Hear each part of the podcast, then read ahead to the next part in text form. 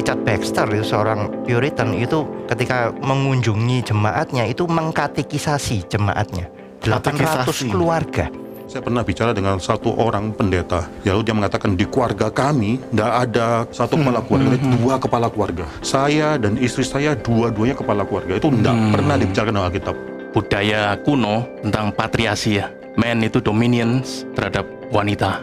Nah, apa bedanya dengan kekristenan? Penelitian kan ada yang bilang katanya kalau yang single lebih happy gitu pak daripada yang menikah gitu pak. Ah. Terus eh, lebih panjang umur pak gitu pak kalau yang Oh, nggak panjang menikah. umur saya nggak tahu. Banyak orang juga menunda pernikahan kalau kembali tadi Yes. masalah menunda itu karena anak. Banyak Apakah Pak, masih sekarang. relevan? Iya, firman Iya kan? itu untuk saat ini. Bumi udah penuh gitu maksudnya. Dulu kan suruh memenuhi bumi, sekarang bumi udah penuh. Bumi gitu udah maksudnya. Siapa bilang bumi udah penuh?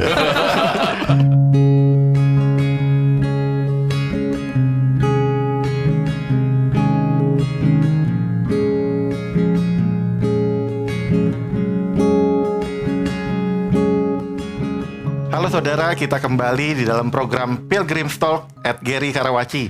Kita akan mendiskusikan tema-tema yang berhubungan dengan kehidupan kita sehari-hari, dilihat dari sudut pandang kekristenan, dari sudut pandang firman Tuhan, bagaimana kita harus bereaksi, bagaimana kita harus menggumulkannya, dan juga bagaimana kita harus menerapkannya dalam kehidupan sehari-hari. Dan di dalam seri yang kedua ini, kita akan membahas keluarga yang beribadah. Saya yakin saudara-saudara di rumah adalah anggota keluarga. Apakah itu minimal adalah seorang anak, tapi mungkin juga Anda seorang suami, seorang istri, seorang cucu, atau paman dan lain-lainnya. Dan kita akan membahas tema ini dalam beberapa episode ke depan dan kita masuk ke dalam episode yang pertama, episode yang sangat penting, yaitu panggilan berkeluarga. Seperti biasa, kita akan berdiskusi, tanya jawab bersama-sama dengan dua narasumber kita. Yang pertama adalah Pendeta David Tong, dan yang kedua adalah Pendeta Budi Sutrisno. Kedua pendeta ini adalah pendeta yang melayani di Geri Karawaci. Pak David adalah gembala sidang dan Pak Budi adalah asisten gembala sidang. Dan saya juga ditemani oleh dua orang. Yang pertama adalah Pak Pauri dan yang kedua adalah Bu Meta. Pak Pauri dan Bu Meta adalah dua orang yang juga melayani di Geri Karawaci dan saya sendiri Samuel Panto yang akan memimpin episode ini membahas tema tentang keluarga ini. Apa dasarnya kita harus berkeluarga, Pak? Ya kita sebagai orang Kristen kita harus melihat bahwa segala keputusan dalam hidup kita, segala hidup yang kita hidupi itu semua dasarnya pasti adalah firman Tuhan. Jadi kita harus melihat apa yang firman Tuhan katakan terlebih dahulu mengenai apa itu mengenai berkeluarga. Maka dalam kejadian itu sangat clear sekali. Ya ini berkeluarga adalah suatu panggilan bahkan bukan sebagai suatu akibat atau konsekuensi daripada dosa. Manusia mau mau harus berkeluarga untuk meneruskan garis keturunan dan sebagainya. Justru sebelum Adam dan Hawa jatuh dalam dosa itu Tuhan sudah memberikan suatu mandat bagi mereka untuk berkeluarga. Ya tentunya kita lihat dalam kejadian pasal 1 ya. Ini ini kejadian pasal 1 pasal yang pertama daripada buku yang pertama itu banyak bicara mengenai fondasi hidup daripada manusia daripada seluruh manusia. Kejadian pasal 1 ayat ke-26 manusia diciptakan berdasarkan gambar dan rupa daripada Tuhan. Ayat 27 Tuhan menciptakan manusia berdasarkan gambar dan rupanya laki-laki dan perempuan diciptakannya. Ayat 28 satu hal yang penting ini adalah suatu sekaligus perintah yang pertama yang muncul dalam Alkitab sekaligus juga adalah perintah yang disertai dengan berkat. Yaitu Allah memberkati konteksnya memberikan perintah dan konteksnya juga memberikan berkat. Ayat ke-28 ya, kejadian pasal 1 ayat 28, Allah memberkati mereka. Lalu Allah berfirman kepada mereka, beranak cuculah dan bertambah banyak, penuhilah bumi dan taklukkanlah itu, berkuasalah atas ikan-ikan di laut dan burung-burung di udara dan atas segala binatang yang merayap di bumi. Tujuan daripada manusia diciptakan itu menjadi gambar dan rupa Tuhan itu berarti mewakili Tuhan memerintah seluruh ciptaan. Tapi berbeda dengan dengan Tuhan, Tuhan kan kita tahunya maha ada atau Ya. dalam bahasa Inggrisnya omnipresent. Itu kan berada di mana-mana. Tuhan menciptakan dan akhirnya memerintah seluruhnya itu dengan kemahaberadanya dia. Tapi ketika Tuhan memanggil manusia untuk akhirnya memerintah bersama dengan Tuhan, manusia itu kan sangat-sangat localized ya. Kita tidak maha berada. Ya. Maka di sini kalau kita perhatikan Tuhan mau kita juga memerintah seluruh ciptaan, seluruh ciptaan dalam bumi ini dengan cara apa? Menggandakan atau memultiplikasikan manusia tersebut. Dan karena manusia bukan Tuhan, maka manusia harus akhirnya membentuk suatu keluarga dan beranak cucu bertambah banyak dan memenuhi bumi. Jadi ini topik yang sangat penting ya. Ini topik bukan cuma kita sebagai seorang pilgrim dipanggil untuk beribadah, itu kan memang tema daripada seri kita sebelumnya. Ya, ya. Tapi ini adalah panggilan bukan untuk pribadi, tapi panggilan seluruh satu keluarga untuk beribadah. Jadi keluarga itu bukan kutukan berarti Pak. Oh enggak, itu eh, sebenarnya perintah yang diberikan sebelum bahkan sebelum jatuh dalam jatuh dosa. dalam dosa. Kita kan di dalam uh, bab ke-16 kita menerima reformasi ya. Coba pikirkan, apa sih sebenarnya impact terhadap reformasi terhadap keluarga? Coba dipikirkan. Selama ini sih selalu hanya bicara soal doktrin keselamatan. soal Reformasinya keselamatan. lebih Reformasi ke gereja, begitu gereja. reformasi gereja begitu ya. Iya. Padahal sebenarnya reformasi Protestan itu lebih ya bukan cuma gereja, tetapi membawa orang Kristen itu kembali kepada seluruh kitab suci sehingga itu berdampak kepada seluruh aspek hidup, termasuk juga kepada keluarga. Waktu itu eh, anggapan bahwa orang yang tidak menikah itu lebih baik atau lebih suci, sehingga orang-orang yang melayani Tuhan itu ya nggak menikah, selibat begitu ya. Tapi kan nyatanya sekarang kan tetap di dalam dewasa ini sekarang ini orang lebih cenderung menunda kan ya, ya menunda Ya, pernikahan. menunda bahkan tidak mau Kemudian dengan alasan-alasan Ya. itu yang sebetulnya kalau kita pikirkan itu juga eh, kurang tepat gitu. Misalnya menunda pernikahan karena alasan ekonomi, kemudian dia menunda pernikahan karena memenuhi harapan orang tua aja gitu ya. Sedangkan angka-angka pernikahan itu semakin hari semakin mengecil gitu loh. Iya. Bentar, saya mau kembali sebentar kepada zamannya konteks daripada reformasi. ya. Eh, ini semua pertanyaan penting ya. Cuma waktu kita melihat dan kita melihat reformasi bukan cuma masalah bicara mengenai doktrin keselamatan, tapi bagaimana menerapkan seluruh prinsip Alkitab dalam hidup sehari-hari. Itu penting. Maka terjadi reformasi dalam gereja, terjadi reformasi dalam dunia pendidikan, dalam politik, dalam masyarakat, dalam keluarga. Semuanya terjadi karena kita Termasuk keluarga. melihat bagaimana Alkitab berbicara. Ya. Nanti kita akan jawab satu persatu. Kita coba coba cari waktu untuk address all the issues di sini ya. Coba perhatikan ya, dalam konteks daripada reformasi sebelum terjadi reformasi, pemikiran daripada gereja pada saat itu kita mengatakan itu Katolik itu berbeda dengan kita. Itu sejarah kita sendiri. Ya. Itu bagaimana mereka sangat dipengaruhi oleh filsafat daripada Yunani melihat ada dikotomi antara yang imaterial dan yang material. Ya. Maka orang-orang tadi Pak Pendeta Himin sudah mengatakan bahwa orang-orang yang suci itu akhirnya tidak menikah. Maka menganggap pada saat itu pernikahan itu sebagai suatu necessary evil.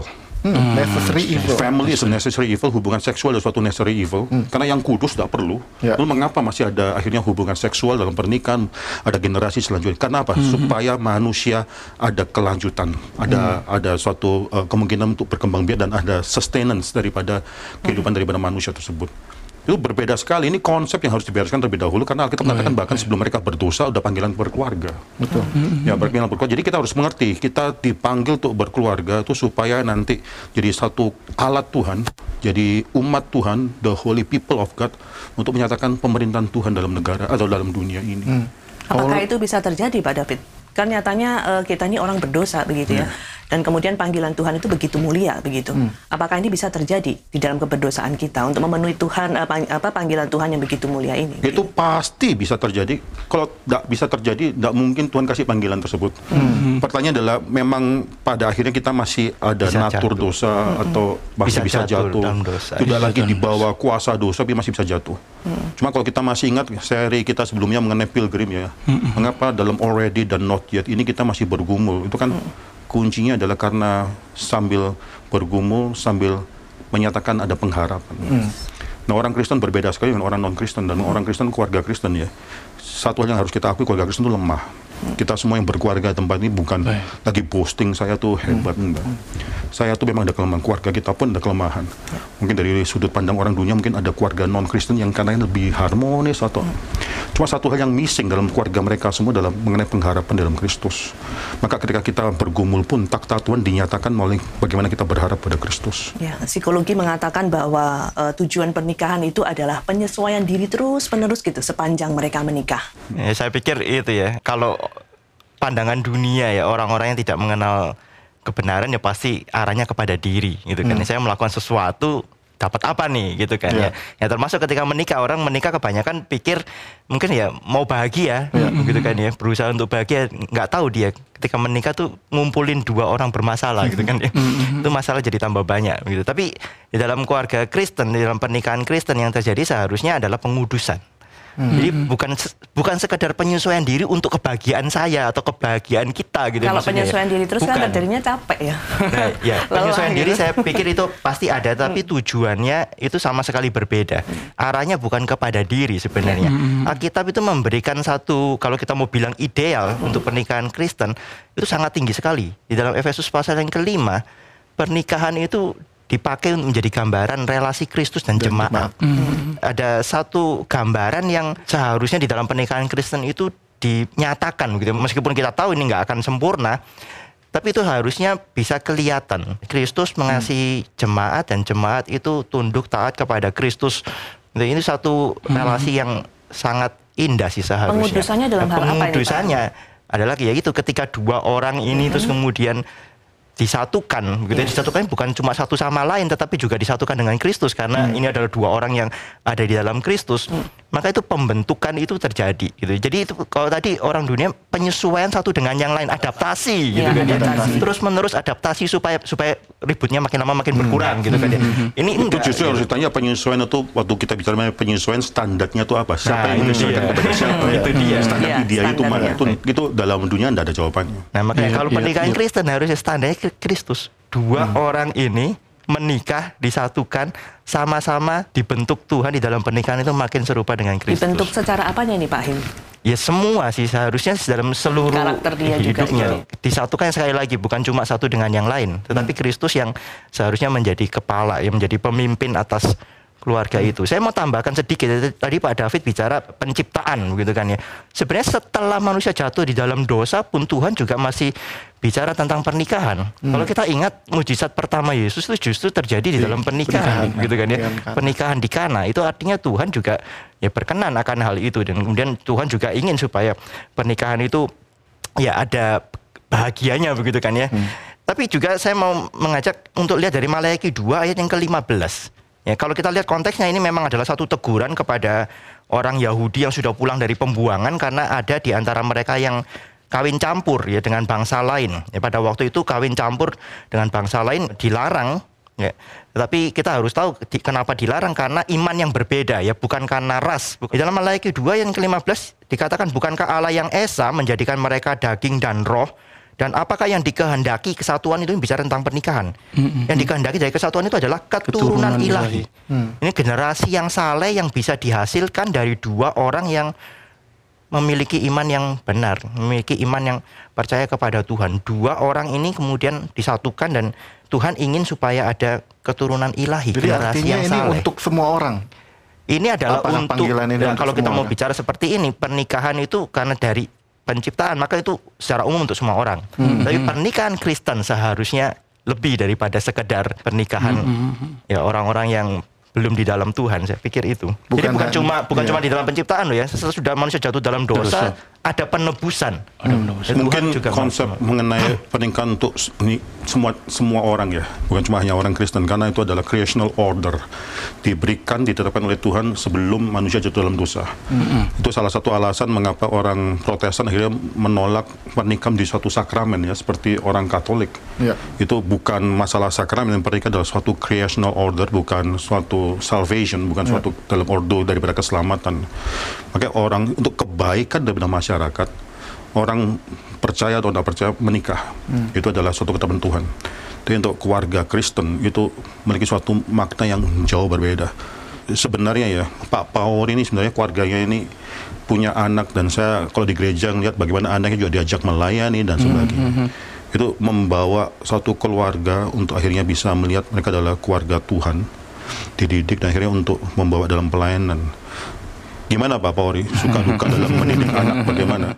Ya, saya teringat perkataan Yosua 24 ayat 15. Bagaimana dia waktu itu menantang bangsa Israel yang berbelok arah menyembah kepada Baal dan kemudian Yosua dengan lantang memberikan satu wejangan sebelum dia mungkin akan tiada gitu ya bahwa kepada siapa engkau akan beribadah kepada siapa engkau akan ikut ya tapi aku akan beribadah kepada Allah Aku dan Ya, segenap aku dan keluargaku. segenap keluargaku. keluargaku. Jadi konsep keluarga secara unity yang sudah ditebus oleh Kristus ya itu menjadi satu hal yang penting buat kita eh, menjalani kehidupan ini. Ya. Tidak bisa satu hal yang terpisahkan gitu loh. Seorang ayah eh, yang menjadi contoh imam buat istri dan juga anak-anaknya. Nah ini ada satu hal yang mau saya tanyakan buat Pak David Buat saya aja atau buat dua narasumber tentunya. Saya teringat eh, budaya kuno tentang patriasi ya. Patriasi bagaimana men itu dominions terhadap wanita. Nah, apa bedanya melihat budaya patriasi dengan kekristenan yang Ini kita bicara mengenai ordo ya. Yes. Yang menarik adalah dalam Alkitab ini waktu kejadian ditulis ya kita pegang satu interpretasi bahwa memang Musa yang menulis kitab kejadian tersebut. Tulis kira-kira 3.500 tahun yang lalu. Itu zaman di mana budaya laki-laki itu lebih dominan, itu sangat dominan sekali ya patriarchal society. Maka di sini kita bisa melihat maka yang unik dalam kejadian pasal 1 juga kita buka lagi pasal 1 ya. Ini justru di dalam zaman 3.500 tahun lalu ditulis ini uh, suatu hal yang sangat-sangat besar dan mendobrak kultur pada saat itu. Kejadian pasal 1 27 ya. Maka Allah menciptakan manusia itu menurut gambarnya. Menurut gambar Allah diciptakannya dia, laki-laki dan perempuan diciptakannya mereka. Ini sebenarnya menarik ayat satu ayat yang pendek ini kata mereka diciptakan itu muncul tiga kali. Ya sekali lagi ya, maka Allah menciptakan manusia itu menurut gambarnya, menurut gambar Allah diciptakannya dia laki-laki dan perempuan itu dua kali, diciptakannya mereka itu ketiga kali. Itu menunjukkan bahwa fakta bahwa manusia itu ya cuma manusia diciptakan saja. Itu Yang menarik ini ya. adalah laki-laki dan perempuan dua-dua disebutkan diciptakan berdasarkan gambar dan rupa daripada Tuhan. Itu suatu yang mendobrak. Jadi ada equality, tapi bukan berarti nggak ada ordo. Jadi suatu hari kita bicara mengenai keluarga lebih lanjut lagi. Banyak sekali orang dalam zaman modern ini akhirnya meleburkan equality dan ordo. Kalau equal berarti ordo juga ada. ada. Saya pernah bicara dengan satu orang pendeta. Ya, lalu dia mengatakan di keluarga kami tidak ada satu kepala keluarga, dua kepala keluarga. Saya bilang, hah? Maksudnya gimana? Saya dan istri saya dua-duanya kepala keluarga. Itu tidak pernah dibicarakan dalam Alkitab. Laki-laki dan perempuan equal, tapi Alkitab sangat jelas mengatakan ada ordo dalam keluarga. Ini bukan uh, patriarch society laki-laki menekan perempuan enggak. Nanti Efesus pasal 5 ya. Itu dinyatakan daripada apa? Ada ordo Kristus dan jemaat, tapi Kristus akhirnya mengorbankan dirinya untuk jemaat. Ordonya adalah akhirnya ordo dalam mengorbankan dirinya. Lalu jemaat dengan itu sukarela bukan karena ditekan oleh oleh Kristus atau laki perempuan ditekan oleh laki-laki enggak dengan sukarela merendahkan dirinya seperti juga jemaat gereja merendahkan diri di depan Tuhan. Ya, tetapi wanita kan bisa eh, menghormati laki-laki kalau ada beberapa karakter daripada dia yang ikut Iya, Kristus ini begitu. suara para Itu- wanita. Nah, yang Nah, sulitnya iya. kan kalau misalkan laki-laki itu pernah kita pernah bilang wanita tunduk kepada suami titik enggak. Nggak, wanita tunduk pada suami tapi dikatakan bukan cuma akhirnya di atas wanita tapi lebih rendah lagi daripada tunduk itu mengorbankan diri bagi wanita. Iya. Itu cinta yang semacam demikian. Mengapa kok gereja bisa mau cinta pada Kristus? Ya jawabannya karena simpel, bukan karena Kristus sok-sokan dalam gereja. enggak. Karena pengorbanannya demikian besar. Ordo ini penting ya. Mengapa? Karena kalau kita lihat Allah Tritunggal, kita percaya Allah Bapa, Allah Anak, Allah Roh Kudus, itu kita bicara equal. Tidak ada yang lebih kecil, lebih besar, atau tidak ada. Karena mereka ada sejak Bang. kekekalan sampai kekekalan sama-sama ada. Kita tidak terima daripada Arianisme atau Jehovah Witness saat ini yang mengatakan bahwa ada satu waktu di mana Allah Anak tidak ada. Tidak. Kita terima Allah sama-sama kekalnya. Cuma pada akhirnya ada ordo di mana Allah Anak waktu dalam datang dalam dunia mengatakan bahwa Mengosongkan aku, diri. Iya, ya, aku ya bukan cuma mengosongkan diri, tapi aku diutus oleh Iya. Bapakku. Aku datang hanya untuk mengerjakan apa yang diinginkan oleh Ya. Bapakku. Nah kembali lagi ke tentang panggilan berkeluarga Pak. Tadi bicara soal kejadian pasal 1, itu ada poin soal beranak cucu Pak. Sepenting apa sih sebenarnya? Karena banyak orang juga menunda pernikahan karena anak. Anak. Karena masalah saya nggak mau punya anak. Bahkan karena ada kan tanggung tren- jawabnya lebih besar. Betul. Iya. Ada, Kemudian komitmennya lebih besar kan Betul, untuk betul. eh, di dalam ada yang, pernikahan, lebih begitu. Punya pet daripada anak. punya binatang peliharaan itu lebih Ya, mudah. mungkin ada yang bilang Pak itu kan sikonnya waktu lalu. Sekarang Iya, iya. sekarang Pak. Gitu. Jadi beban betul. mungkin Pak masih sekarang. relevan? Iya, firman Iya kan? itu untuk saat ini. Bumi udah penuh gitu mas. Dulu kan sudah memenuhi bumi, sekarang bumi udah penuh. Bumi gitu udah maksudnya. Siapa bilang bumi sudah penuh? ini ini ini pertanyaan menarik. Siapa yang bilang bumi sudah penuh? Memang banyak sekali penduduk dunia 7 miliar. Ya kalau kita lihat ya, itu kalau Hong Kong dan dia punya density population density atau kepadatan penduduknya. Yes. seluruh dunia sama seperti kayak Hong Kong. Itu seluruh 7 miliar itu seperti cuma state of Texas di Amerika aja. Kalau seluruh dunia dengan kepadatan penduduk seperti Hong Kong ya cuma segitu doang yang bilang bumi udah penuh tuh siapa Gitu. masih kurang penuh Sebenarnya nggak perlu sih, Pak, karena ada yang pergi, Pak. gantian ya Nggak akan maksudnya. Pak, kembali lagi tadi yang di reformasi, Pak. Jadi apakah yang tadi patriasi itu termasuk salah satu yang direformasi ya, Pak ya? sangat ya menurut saya juga ya. sangat ya di dalam kasus misalnya ayah tugas ayah itu apa dalam dalam suatu keluarga kalau bicara mengenai reformasi saya terkesan dengan suatu foto di mana ada eh, bukan foto gambar aja itu Martin Luther sedang berbicara dengan istrinya lalu ada anak-anaknya berapa anaknya Lalu mereka sekarang kayak satu konteks ibadah keluarga. Yang menarik bagi saya adalah Philip Melanchthon, yaitu murid Martin Luther yang yang paling setia, yaitu penerusnya Martin Luther. Philip Melanchthon tersebut di belakang, figurnya di belakang. Jadi kayak di background, itu kayak hampir tidak kelihatan gitu. Nah itu menarik, mengapa ini dua toko besar dan gereja, tapi sekarang nih waktu bicara mengenai keluarga, itu suami istri yang di depan. Ya. I see. Philip Melanchthonnya di belakang. Mhm. Nah di sana saya bisa lihat itu mana Martin Luther melayani keluarga dengan luar biasa bukan dengan menekan tapi tidak. Martin Luther itu menjadi imam dalam keluarga. Ntar suatu hari kita harus bicara mengenai konsep imam dalam keluarga. Ya. Karena banyak sekali sudah da- dikerjakan oleh keluarga pada saat ini. Itu bagi saya waktu lihat uh, picture atau gambaran lukisan tersebut. Wah itu meaning mengenai reforming family dalam reformation itu very deep and very significant. Itu ada signifikan yang sangat dalam sekali. Nah sekarang kasusnya kalau misalnya eh, seorang ayah atau seorang pria itu benar-benar di dalam keluarga itu fungsinya tidak sebagai imam gitu Pak David. Terus udah menikah, bagaimana ya kita sebagai wanita itu? Ini ini kayaknya pertanyaan ordo kepala keluarga itu. Ini bukan sudah menceritakan keluarga kan? Uh, kadang-kadang Kan akhirnya kalau itu terjadi, ya kadang-kadang. Iya, gitu. kalau kalau terjadi, kalau ada istri yang beriman, dia akan jadi iman dalam keluarga. Dia akan mendoakan keluarganya, dia akan menyampaikan firman kepada anak-anaknya. Dalam kasus macam demikian tuh, uh, si suami itu seakan sedang act atau bertindak sebagaimana dia sedang tidak beriman pada saat itu. Itu keluarga itu perempuan itu akan pegang fungsi yang sangat penting sekali.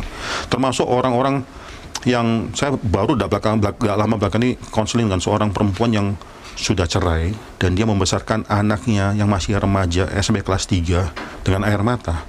Dan di sana dia katakan bagaimana dia harus berbicara, dia menjalankan fungsi imam tersebut bagi anaknya. Mendidik dia, mengarahkan dia untuk kepada firman Tuhan, mengkoreksi hidup dia. Itu bisa terjadi. Cuma sayang kalau keluarga Kristen akhirnya laki-laki yang tidak sadar fungsi dia sebagai Ya. imam dalam keluarga.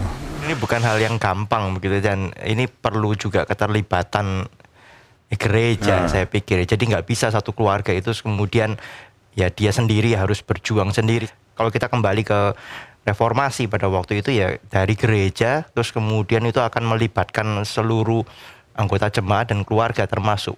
Maka family religion gitu atau ibadah di dalam keluarga itu kemudian ditekankan lagi. Bahkan orang-orang Puritan yang melanjutkan eh, reformasi Calvinis itu mereka mengatakan keluarga itu adalah gereja yang paling kecil. Nah, ini mereka bisa punya konsep seperti itu dari mana? Ya pasti ada peranan besar dari gereja yang kemudian mendidik mereka, mempersiapkan mereka. Ya, Richard Baxter itu seorang Puritan itu ketika mengunjungi jemaatnya itu mengkatekisasi jemaatnya. 800 Katekisasi. keluarga. 800 keluarga itu dia kunjungi dan dia katekisasi dan dia minta kepada keluarga-keluarga itu untuk mereka mulai ada ibadah keluarga. Nah, ini satu reformasi yang pengaruhnya besar. Dan ketika dia mengunjungi dia tanya pertanyaan-pertanyaan katekisasi dan anak-anak pun bisa menjawab. Baik, baik. Gitu ya. Itu satu hal yang penting sekali ya. Saya pikir gereja dan keluarga itu harus bersama-sama gitu untuk Baik, baik. mewujudkan apa yang memang Tuhan itu tetapkan bagi keluarga Kristen. Iya, saya tertarik Richard Baxter start dari keluarga. Karena keluarga menjadi satu elemen yang paling kecil di dalam masyarakat. Kalau keluarga beres, negara beres. Ya, Jadi dimenangkan dari elemen yang paling kecil, kemudian bergerak kepada yang lebih besar. Ya, itu satu uh, prinsip yang benar. Baik. Suatu hari kita saya harap bisa ada kesempatan bicara mengenai uh, keluarga dan gereja. Ya. Itu topik yang bagi saya terlalu besar. Cuma waktu kita bilang panggilan beribadah, panggilan keluarga yang mau beribadah. Itu bagaimana kita mengarahkan keluarga kita untuk beribadah kalau kita sendiri tidak merasakan kehidupan gereja atau gereja lokal itu suatu hal yang penting. Tuhan tidak pernah memanggil kita sendirian. Bahkan Tuhan tidak pernah memanggil kita untuk berkeluarga sendirian. Tuhan akan memanggil kita untuk berkeluarga bersama-sama kita sendirian. Tadi mungkin nyambung daripada pertanyaan Ibu Meta mula-mula, ya, mengapa banyak sekali orang pada zaman ini anak muda yang sulit menikah dan sebagainya. Penelitian kan ada yang bilang katanya kalau yang single lebih happy gitu Pak daripada yang menikah gitu Pak. Ah. Terus eh, lebih panjang umur Pak gitu Pak kalau yang Oh, nggak panjang menikah. umur saya nggak tahu. Itu juga saya nggak tahu. Ya. Depresinya juga dikit Pak. Ah, ini ah, sekali lagi semua kembali pada Alkitab prinsip Alkitab. Manusia itu bukan Allah, tidak pernah self-sufficient. Yes. Oleh karena itu sejak mereka sebelum jatuh dalam dosa pun Tuhan sudah berkata dalam kejadian pasal 2 Adam tuh tidak baik kalau hidup sendirian. Sendirian. Kan tidak bisa, bukan tidak self sufficient. Berbeda dengan bahkan gini, kita bisa katakan bahkan Allah sendiri tiga pribadi, tidak pernah sendirian juga itu dalam komunitas juga. Maka Adam pun juga harus memiliki suatu pasangan yang sepadan. Maksudnya apa? Berarti Adam tidak cukup pada dirinya sendiri dan dia perlu ada suatu sepasangan yang sepadan untuk biar bisa hidup penuh di hadapan Tuhan. Iya. Nah, siapa yang bilang bahwa kalau tidak menikah itu lebih bahagia? Itu konsep daripada orang dunia sudah menolak Alkitab. Tidak pernah mereka bisa lebih bahagia. Bahagia mereka adalah bahagia karena sangat-sangat self-centered, yaitu bahagia mereka melayani diri kita, diri saya sendiri. Tadi Pendeta Budi sudah, sudah pernah singgung hal ini. Bahagia melayani diri. Tapi Alkitab tidak banyak bicara mengenai kebahagiaan. Alkitab banyak bicara mengenai holiness, kesucian. Kalau ada keluarga gue yang mau menikah ya, dari pemirsa juga, pasang-pasang menikah, bukan pikirnya bagaimana saya membentuk keluarga yang bahagia, bagaimana saya membentuk keluarga yang suci di hadapan Tuhan. Nah, mengapa banyak orang yang masih telat dan sebagainya? Itu kalau dibereskan satu persatu ya, itu salah satu kemungkinan adalah karena mereka terlalu memikirkan mengenai kenyamanan diri dalam pernikahan. Pasangan yang harus paling ideal atau kalau misalnya ada pasangan-pasangan tertentu yang mencari pasangan hidup yang mungkin lebih bisa meyakinkan atau support keluarganya dia dan seterusnya. Itu selalu itu pada aspek self center itu ada. Konsep dunia juga eh, menawarkan gitu ya bahwa sepadan mereka sering eh, curhat gitu mungkin beberapa teman saya gitu ya bahwa oh ya kita hobinya sama kok makanannya sama kok Oh, Per- itu itu bukan. sama dan Kalau semuanya sama itu. sepadan loh Pak. itu nggak bisa jadi penolong yang sepadan. Iya, iya. Penolong berarti Bukan ada satu yang berarti nggak ya. nggak sama. Iya, iya, Ya, iya. kita ditolong dalam aspek yang saya nggak bisa lakukan. Kalau semuanya sama itu dua itu namanya Social club. social club yang iya, Oh, itu iya. Komunitas. Oh, iya, tapi kita ber itu penolong yang sepadan Iya. berarti satu orang pun itu ada satu hal yang missing sehingga dia harus ada penolongnya. Nah, di sini keluarga kita, kita tadi kan bicara mengenai bagaimana keluarga itu menguduskan, ya pasangan itu menguduskan. Saya dan istri pasti kita pernah cekcok lah ya. Ya, Pasti pernah ya, kita belum sampai di dunia sana di mana sudah ada kursi. Kalau begitu cekcok, coba kita pikirkan. Setelah ada benturan semacam demikian, apa yang kita pikirkan kalau kita adalah anak Tuhan? Pertama kan pasti nggak bisa dihindarkan sakit hati Pak. Iya, Iya. Kadang-kadang berpikir salah pilih Pak. Wah, harus ada. Tapi langsung bertobat kok Pak. Eh, gimana? Apa yang sudah dipersatukan tidak boleh diceraikan. Apa yang dipikirkan kalau kita sudah bentur? Nah, Justru itu harus bisa melihat ya. Ini pasangan yang Tuhan berikan. Kalau pasangan ini Tuhan berikan, Tuhan tetapkan bagi saya, Tuhan berikan begitu kan ya. Dan sebenarnya kalau mau ngomong ya kita juga yang pilih kok. Yes. Gitu kan ya. Nah, itu berarti ada rencana Tuhan kan ya, ada maksud Tuhan. Dan ketika ada masalah, ada konflik sekalipun itu adalah bagian di mana Tuhan mau membentuk ya kedua orang ini. Gitu. Nah itu, ya sama-sama. Kalau saya memberikan nasihat itu ya kepada orang yang mau menikah atau orang-orang yang konseling atau pemuda yang sedang pacaran gitu ya, saya bicara sama mereka. Ya kamu jangan cuma lihat siapa benar siapa salah. Karena nggak ada orang 100% benar, nggak ada orang 100% salah. Gitu ya. Sama-sama lihat yang seharusnya firman Tuhan itu bagaimana. Saya mungkin ada bagian benar, tapi saya juga ada bagian salah. Apa yang harus saya perbaiki sesuai dengan firman Tuhan?